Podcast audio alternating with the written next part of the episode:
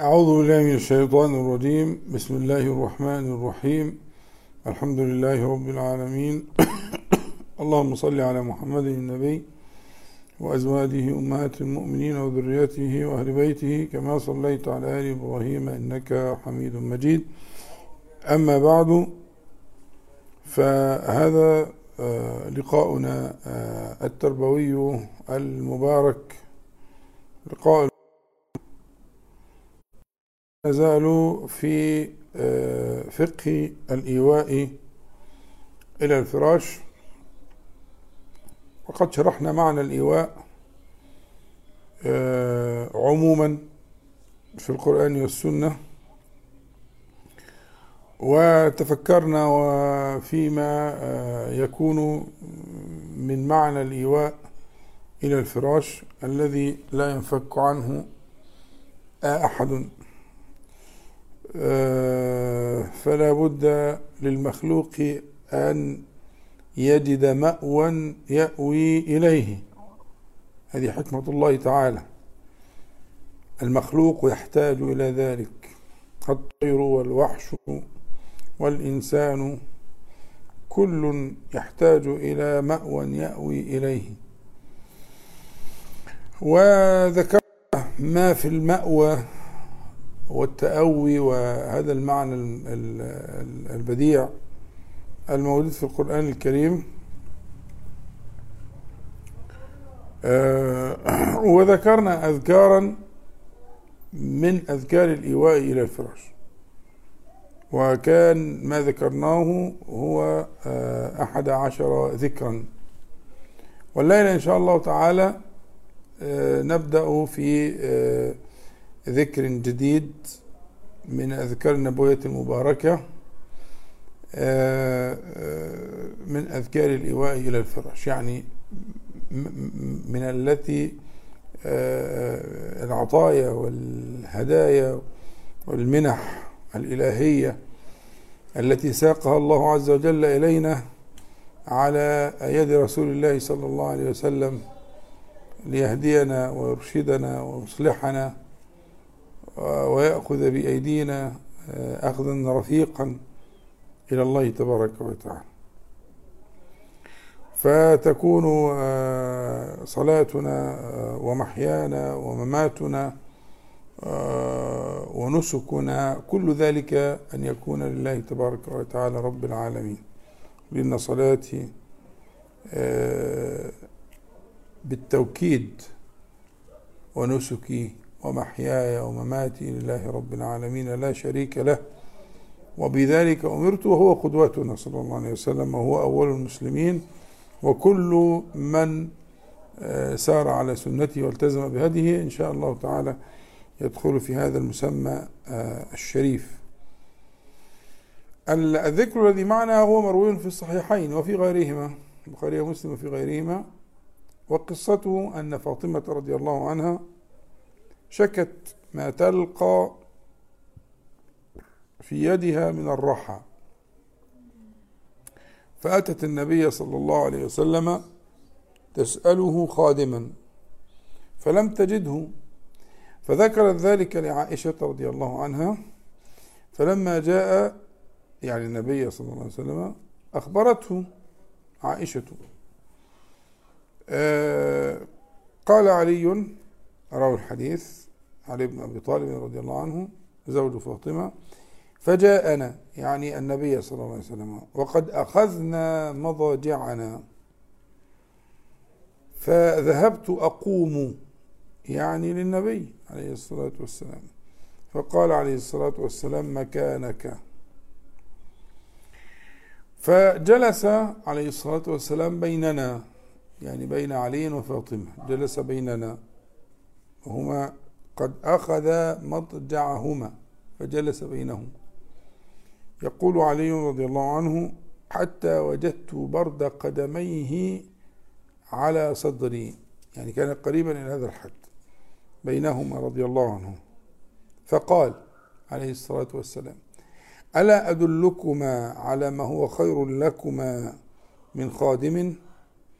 إذا أويت إذا أويتما إلى فراشكما أو أخذتما مضاجعكما فكبر الله تعالى يعني أربعا وثلاثين وسبح ثلاثا وثلاثين واحمد ثلاثا وثلاثين فهذا خير لكما من خادم. يقول علي رضي الله عنه وروى الحديث يقول فما تركتها بعد فما تركتها بعد. قيل له من التابعين من سأله يعني قال له ولا ليلة صفين. صفين اللي هي البلدة الواقعة على نهر الفرات الذي حدث حدثت عندها الواقعة العظيمة التي كانت بين علي ومعاوية رضي الله عنهما. قيل له ولا ليلة صفين؟ قال ولا ليلة صفين. انتهى الحديث ب يعني بمجمل أو بجمع بعض رواياته في الصحيحين وهو في غير الصحيحين كذلك باختلاف يسير. إيه الحكاية بقى؟ حكاية إن إن إن إن فاطمة رضي الله عنها لم تكن تألف هذه الأعمال في بيتها. يعني في البيت الذي نشأت فيه في بيت النبي عليه الصلاة والسلام وبيت امها خديجة وهي أصغر البنات يعني فاطمة أصغر بنات النبي صلى الله عليه وسلم. وهي لم تألف في بيتها بيت أبيها وبيت أمها هذه الأعمال لم تكن تألف أن تصنع شيئا أو أن تطحن طحينا أو إلى آخره لماذا؟ لأنها كانت تجد من يخدمها كانت تجد من يخدمها فلم تكن تحتاج إلى ذلك لكن لما تزوجت لم يكن علي رضي الله عنه موسرا. لم يكن علي موسرا بل كان آه، يعمل بالأجرة يعني آه، لم يكن موسرا. فكانت تضطر أو تضطر إلى عمل لم تعتد عليه لم تألفه لم تكن تعمل ذلك في بيته. فمن أشق الأعمال التي كانت تعملها أنها كانت تطحن في الرحى. الرحى عبارة عن حجرين معروف موجود لغاية دلوقتي. حجرين يدور بعضها على بعض ويوضع الحب بينها وهي تدير الحجر الأعلى والحجر الأسفل ثابت. وتضع الحبوب بين الحجرين وتدير الحجر الثقيل جدا. ها تديره على الايه؟ على الحجر الأسفل الثابت وبينهما الحب فيطحن. ويسقط في الفجوة التي بينهما وتجمع الطحين. وهذه عملية شاقة جدا. عايزة يعني عايزة عضلات قد تربت على ذلك وتعودت على ذلك وتقوت آه، فمجلت يدها.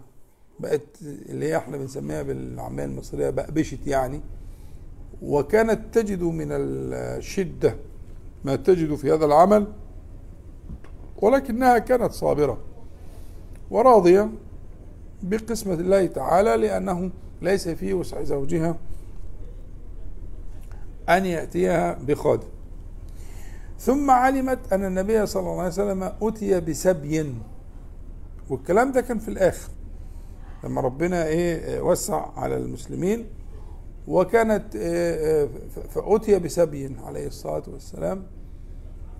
فاقترح علي علي أن تذهب إلى أبيها صلى الله عليه وسلم وتسأله خادما كسائر المسلمين.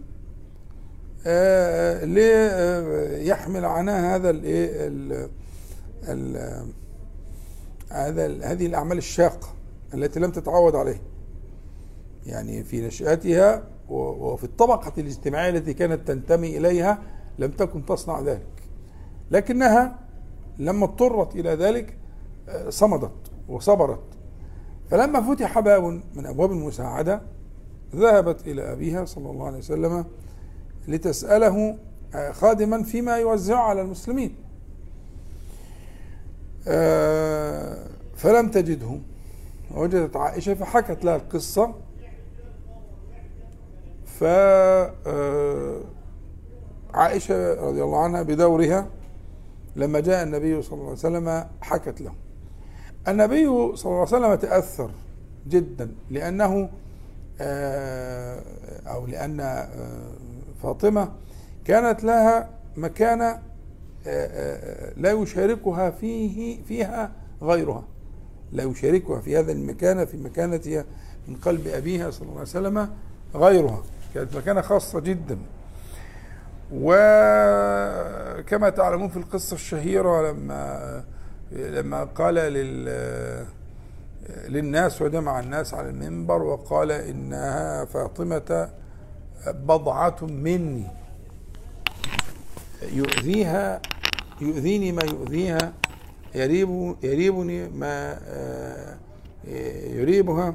إلى آخر يعني الإزعاج يعني والقلق والألم والأذى الذي يقع على فاطمة يقع علي المعنى ده مهم جدا ننتبه له لأنه هو عشان نفهم مكان فاطمة وكانت آه، وهي التي آه، بقيت من بناته لأن النبي صلى الله عليه وسلم دفن أولاده وبناته جميعا إلا فاطمة.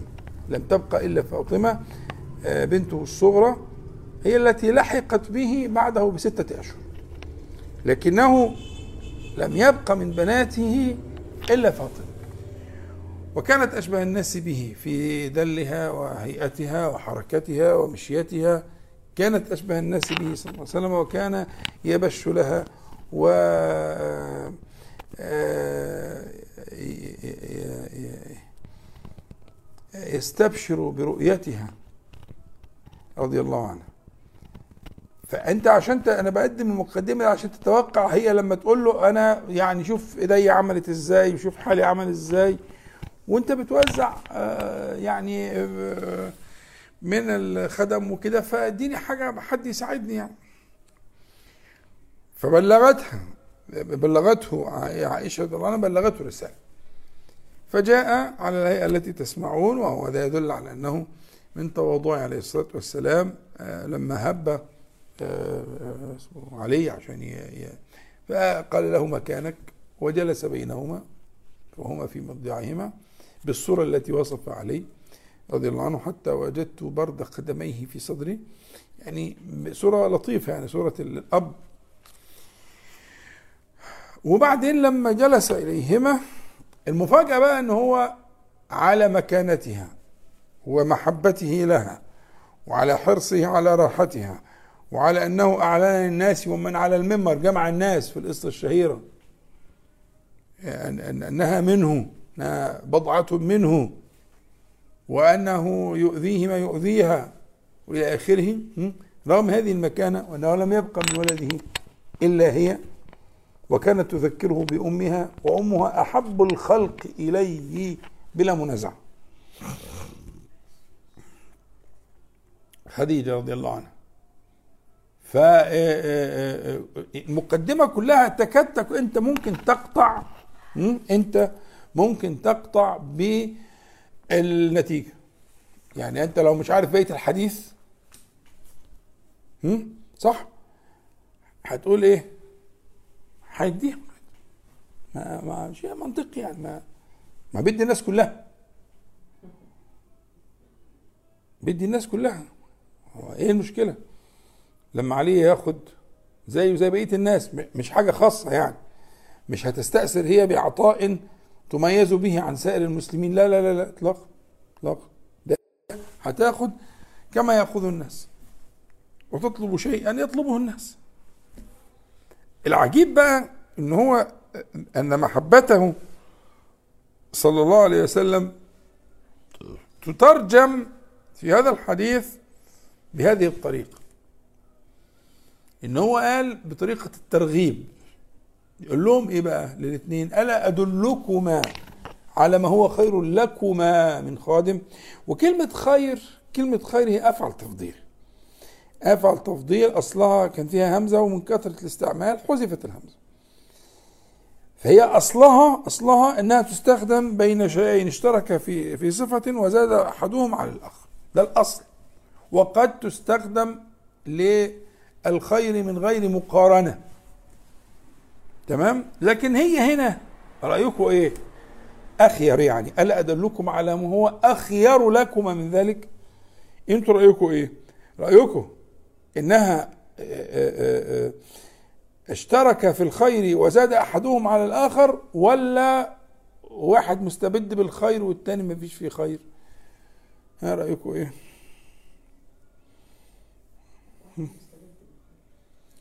نعم. هو في الحقيقة إنه وجود الخادم في معنى الخيرية قطعا. إنه هيبقى في إعانة على العمل الصالح وعلى الراحة شوية سيما وأنها نشأت هذه النشأة في بيت أبيها. لم تكن تصنع ذلك في بيت أبيها البتة. ففيه خير نعم فيه خير لكن الخير الباقي الذي يعني لا يشبهه خير. هو ما دلها عليه النبي صلى الله عليه وسلم أو ما دلهما عليه النبي عليه الصلاة والسلام. فالشفقة والمحبة والتقديم وكل ده كان نتيجته إيه؟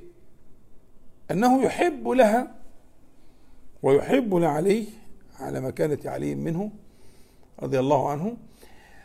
يحب له ما هو الأفضل والأبقى والأنفع الخير الباقي. ده معنى. يبقى المعنى الأول معنى التفضيل وأن هذا الذي آه، سيدلهم عليه عليه الصلاة والسلام هو النفع الباقي الخير الباقي. وإن كان في الأول خير. يعني نجد المرء من يعينه في بيته وأن يخفف يدي له فرصة يقرا في المصحف يصلي ركعتين يعني يبقى مسترخي هدوء يعني جسمه لكن شيل ويحط ويصحى بدري وفي النجمة وينزل والمش عارف إيه والحيوانات يعمل لها إيه ويحلب إيه ويعمل برضه. ده بياخد من مجهود البني آدم فممكن ينتقص من إيه قدرة الإنسان على إن هو يعمل عمل صالح. لكن هي الفكرة ما كانتش كده. الفكرة هنا في نوعية الخير. في نوعية الخير الذي يدل عليه النبي عليه الصلاة والسلام. مسألة مش في آه، آه، مسألة كمية الخير أو زيادة الخير من جنس نفس الجنس. لا لا جنس مختلف. ففي الخادم خير. وفيما دلهم عليه النبي صلى الله عليه وسلم خير. ولكن ما دل عليه النبي صلى الله عليه وسلم خير آخر. جنس آخر من القيم. حاجة تانية خالص. مفهوم الكلام؟ صلوا على النبي عليه الصلاة والسلام. ألا أدله أدلكم على ما هو خير لكم من خادم؟ إذا أويتما إلى فراشكما أو أتيتما مضجعكما أو مضاجعكما تكبر أربعا وثلاثين تسبح ثلاثا وثلاثين تحمد ثلاثا وثلاثين وذي مئة. كده دي مئة. قال عليه الصلاة والسلام فذا فهذا خير لكما من خادم. هذا خير لكما من خادم. طيب هو النبي صلى الله عليه وسلم حل الإشكال إزاي؟ طب ما هي تجد ما تجد من الراحة ومما تجد في يديها وفي يبقى أكيد أكيد اللي دلها عليه النبي عليه الصلاة والسلام في حل لمشكلتها. يعني ما هيش مش, مش قضية إيه قوم صلي ركعتين لأ ده هو أكيد اللي دلها عليه النبي عليه الصلاة والسلام في حل مشكلتها ولذلك أهل العلم زي ابن القيم وصاحب كتاب السلاح أبو الفتح بن الإمام وغيره بيقولوا بينقلوا عن أهل العلم إنه من حافظ على هذه الكلمات يعني في هذا الوقت المذكور من حافظ على هذه الكلمات في هذا الوقت المذكور لم يأخذه إعياء من شغل أو غيره. وابن القيم في فوائد الذكر في كتاب الوابل الصيب في فوائد الذكر قال الذكر يقوي البدن. الذكر ذكر الله تعالى يقوي دي حاجة مادية. يقوي البدن. ويذهب ما يكون في البدن من الإعياء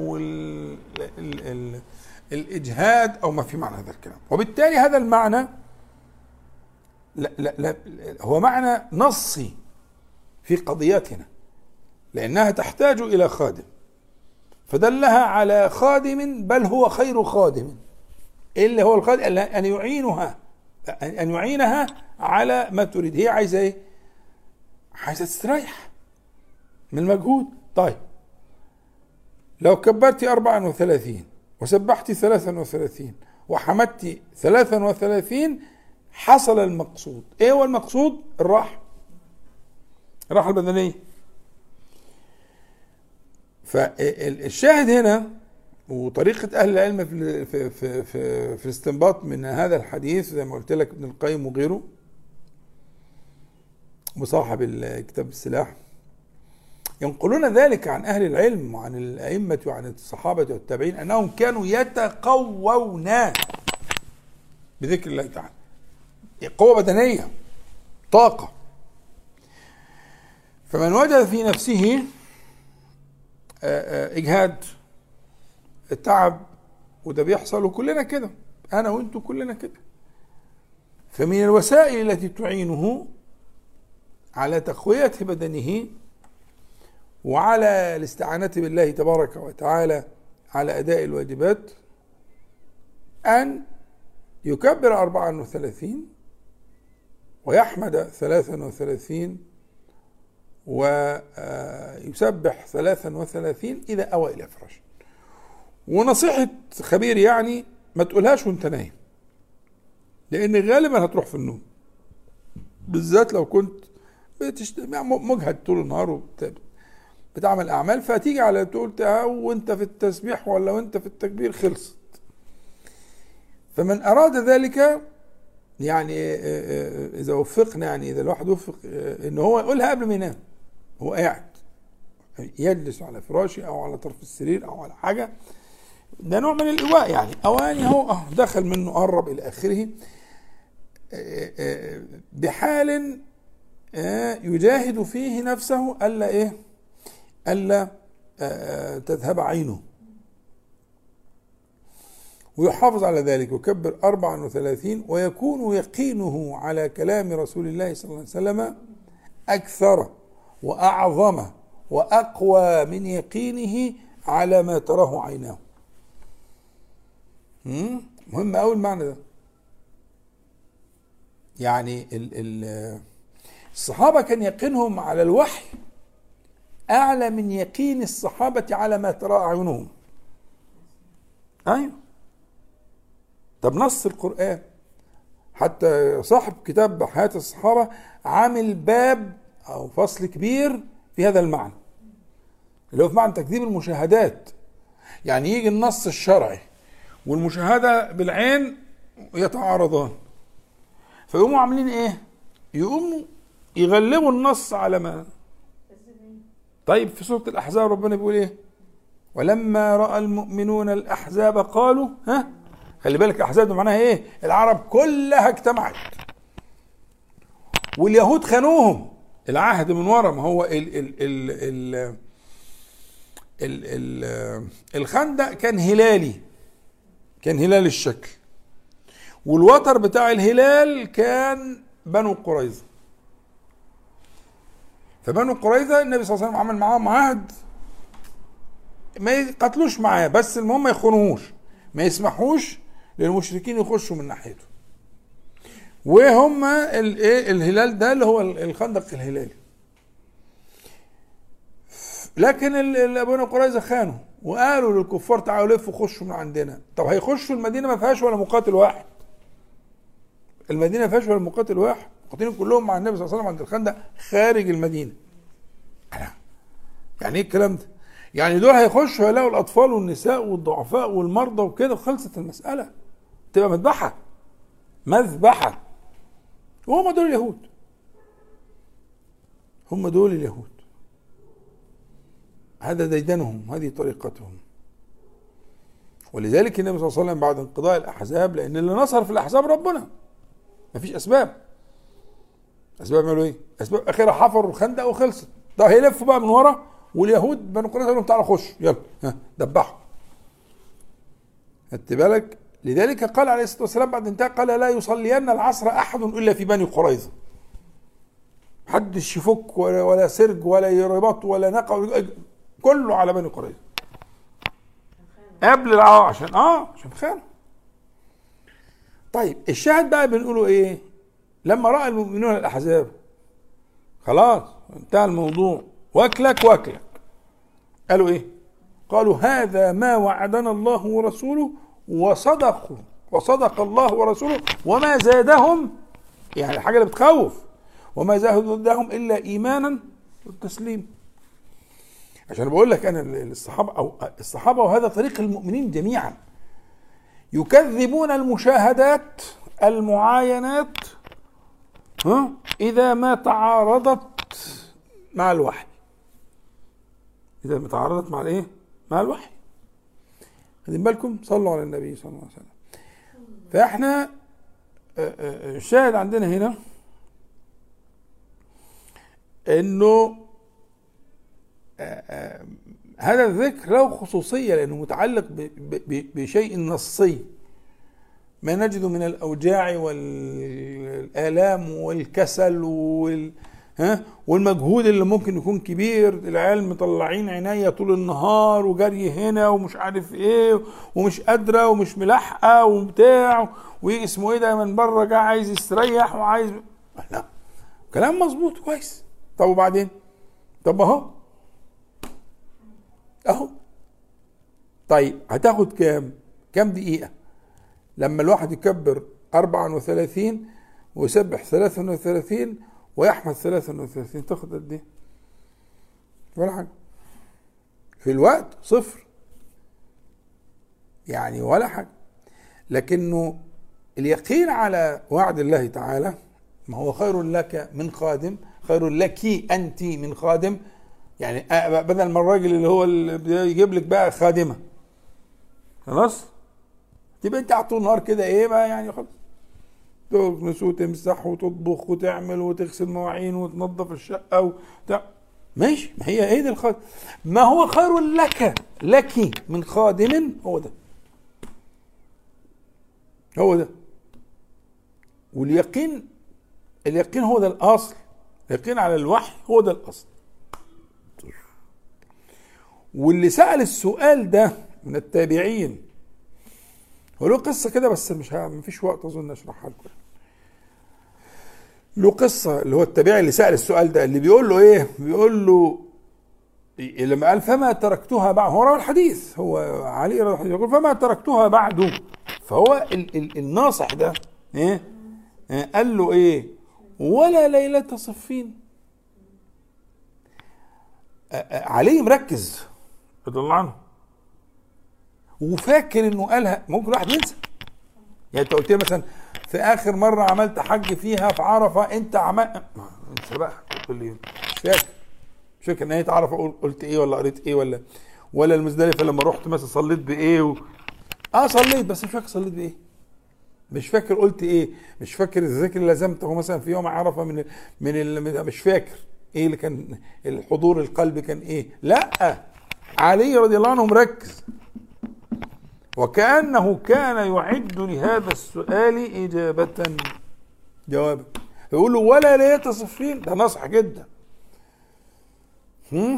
أشد ليلة مرت على علي في حياته كلها. ليه عارفين ليه؟ مش أشد علي ده كان ال... ده كان الفارس المغوار. لكن علشان اقتتال المسلمين اللي حذر منه النبي صلى الله عليه وسلم يحصل في خلافته وفي وفي أيامه. ده الألم اللي كان يؤلم علي رضي الله عنه. ده الجرح العميق. إن اقتتال الموحدين والمسلمين واخد بالك؟ والفتنة العظيمة الفتنة الكبرى في تاريخ المسلمين أن تقع فيه. فكان متألما غاية غاية الألم. لكن مركز. والتاني السائل ده بقى حكايته حكاية. ممكن إن شاء الله بحكي لكم عنه شوية. فقال له ولا ليلة صفين. قال له ولا ليلة صفين. أيوه قلتها في ليلة صفين. حافظ. ما بقى. عد أنت بقى من ساعة ما اتقال له للنبي صلى الله عليه وسلم ها قالها له فين؟ قول مثلا قبل ال ال ال ال انتقال النبي صلى الله عليه وسلم الرفيق الأعلى بسنتين ثلاثة أربعة. خدت بالك؟ وصفين دي في بعديها بقرب 25 سنة مثلا. آه 25 سنة. خدت بالك؟ أكتر من 25 سنة. وفاكر.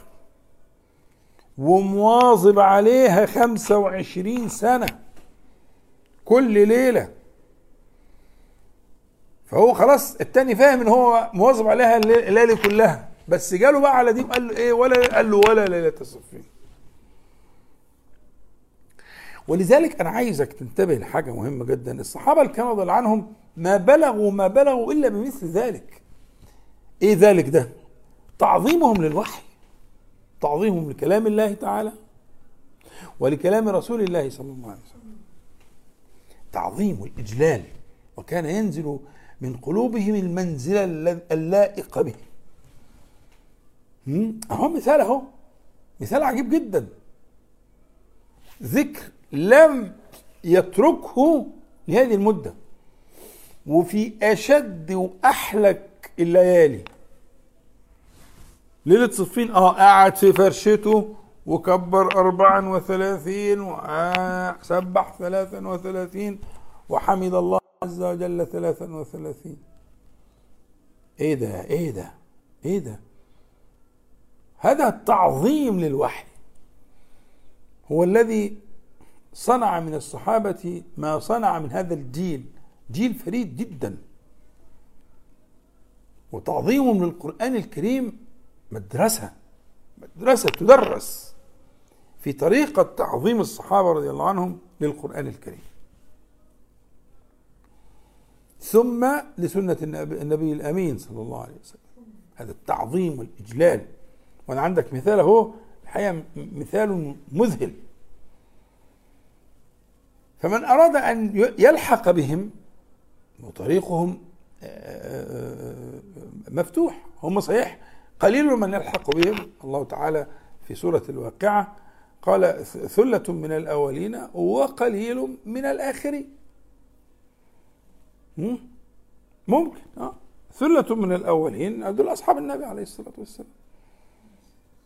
وقليل من الآخرين من يكونون على طريقتهم وعلى سبيلهم. إيه يا عم طريقهم وسبيلهم؟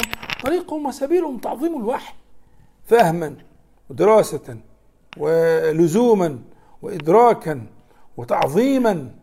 آه هو ده هو ده طريق أصحاب النبي صلى الله عليه وسلم. المسألة مش معقدة المسألة سهلة. إحنا ما مش مش لازم ناس تكون متخصصة ومعاها الدراسات مش عارف إيه. اطلاقا اطلاقا.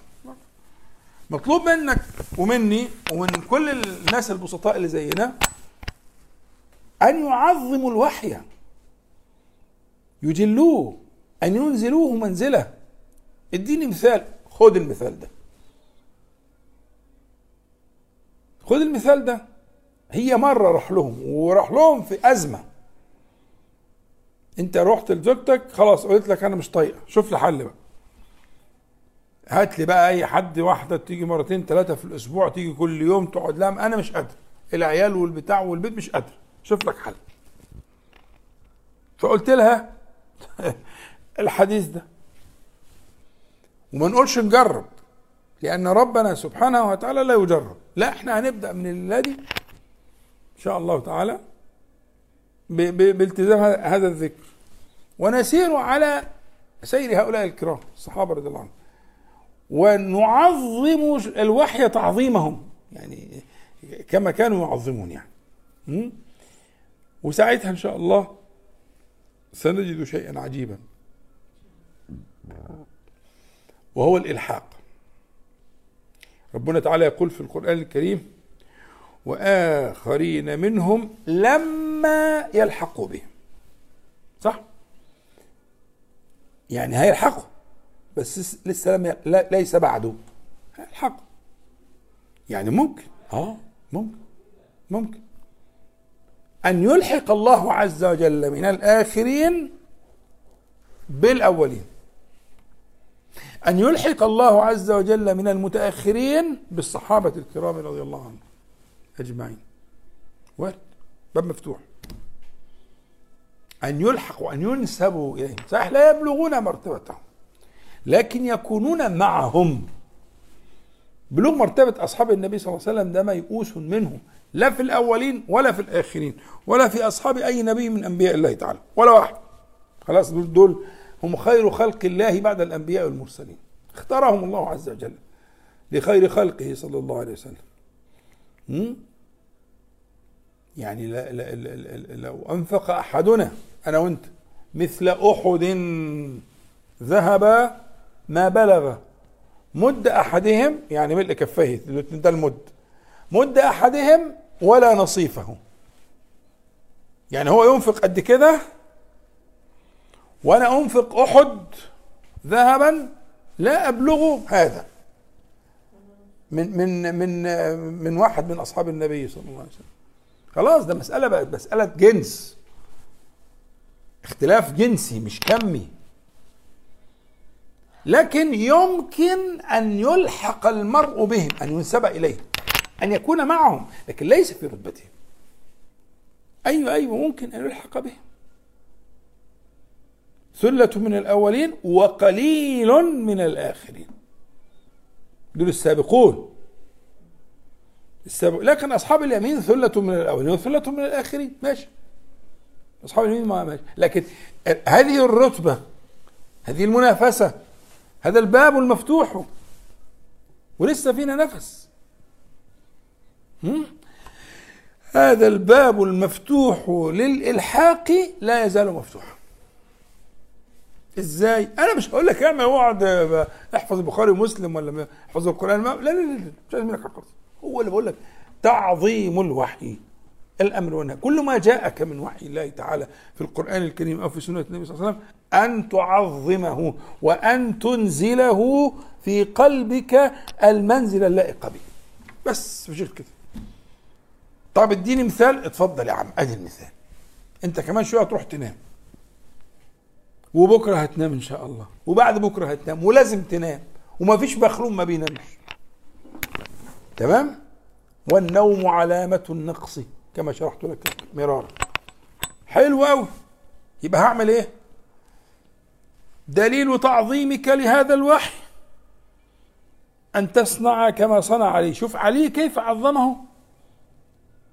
30 35 سنة ولا أكثر وهو لا يفارق هذا الذكر ولا في ليلة صفين أشد الليالي. يعني ممكن واحد تمر عليه بيبقى لا عارف لا يصحى ولا ينام. صح؟ وفي ناس تمر بهم من الهموم مثل الجبال. ما ما يذهب العقول. صح؟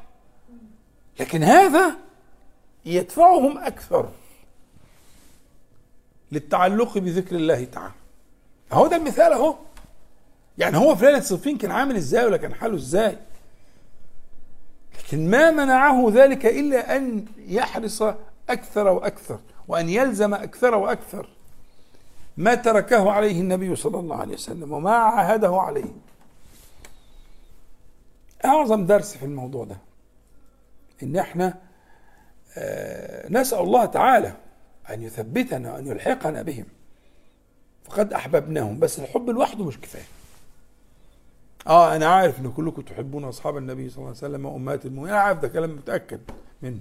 لكن الالحاق بهم له آآ آآ ميثاق وله عهد. وله ضريبة لا بد أن تدفع أن يلحق المرء بأن ينسب إليهم أن يحشر معهم وإن لم يكن منهم. أنا شرحتها. آه الباب مفتوح. بتعظيم ما كانوا عليه كما كانوا يعظمونهم الوحي من القرآن الكريم والسنة المطهرة فكذلك نعظم نحن الوحي من القرآن الكريم ومن السنة المطهرة. آه يعني أنا مش عايز أطيل على حضراتكم. إن شاء الله نلزم هذا الذكر المبارك. الروايات مختلفة عشان لو حد فيكم قرأ رواية ولا حاجة لكن أنا لخصت لكم الموضوع.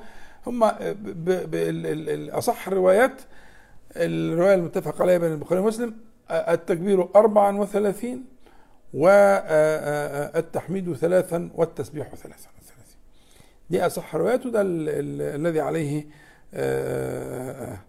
أكثر الروايات الصحيحة.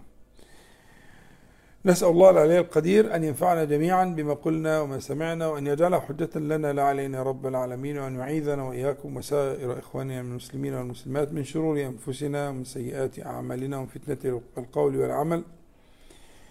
نقول جميعا سبحانك اللهم ربنا وبحمدك أشهد أن لا إله إلا أنت أستغفرك وأتوب إليك. اللهم صل على محمد وأنزل المقعد المقرر منك يوم القيامة. والحمد لله رب العالمين. السلام عليكم ورحمة الله وبركاته.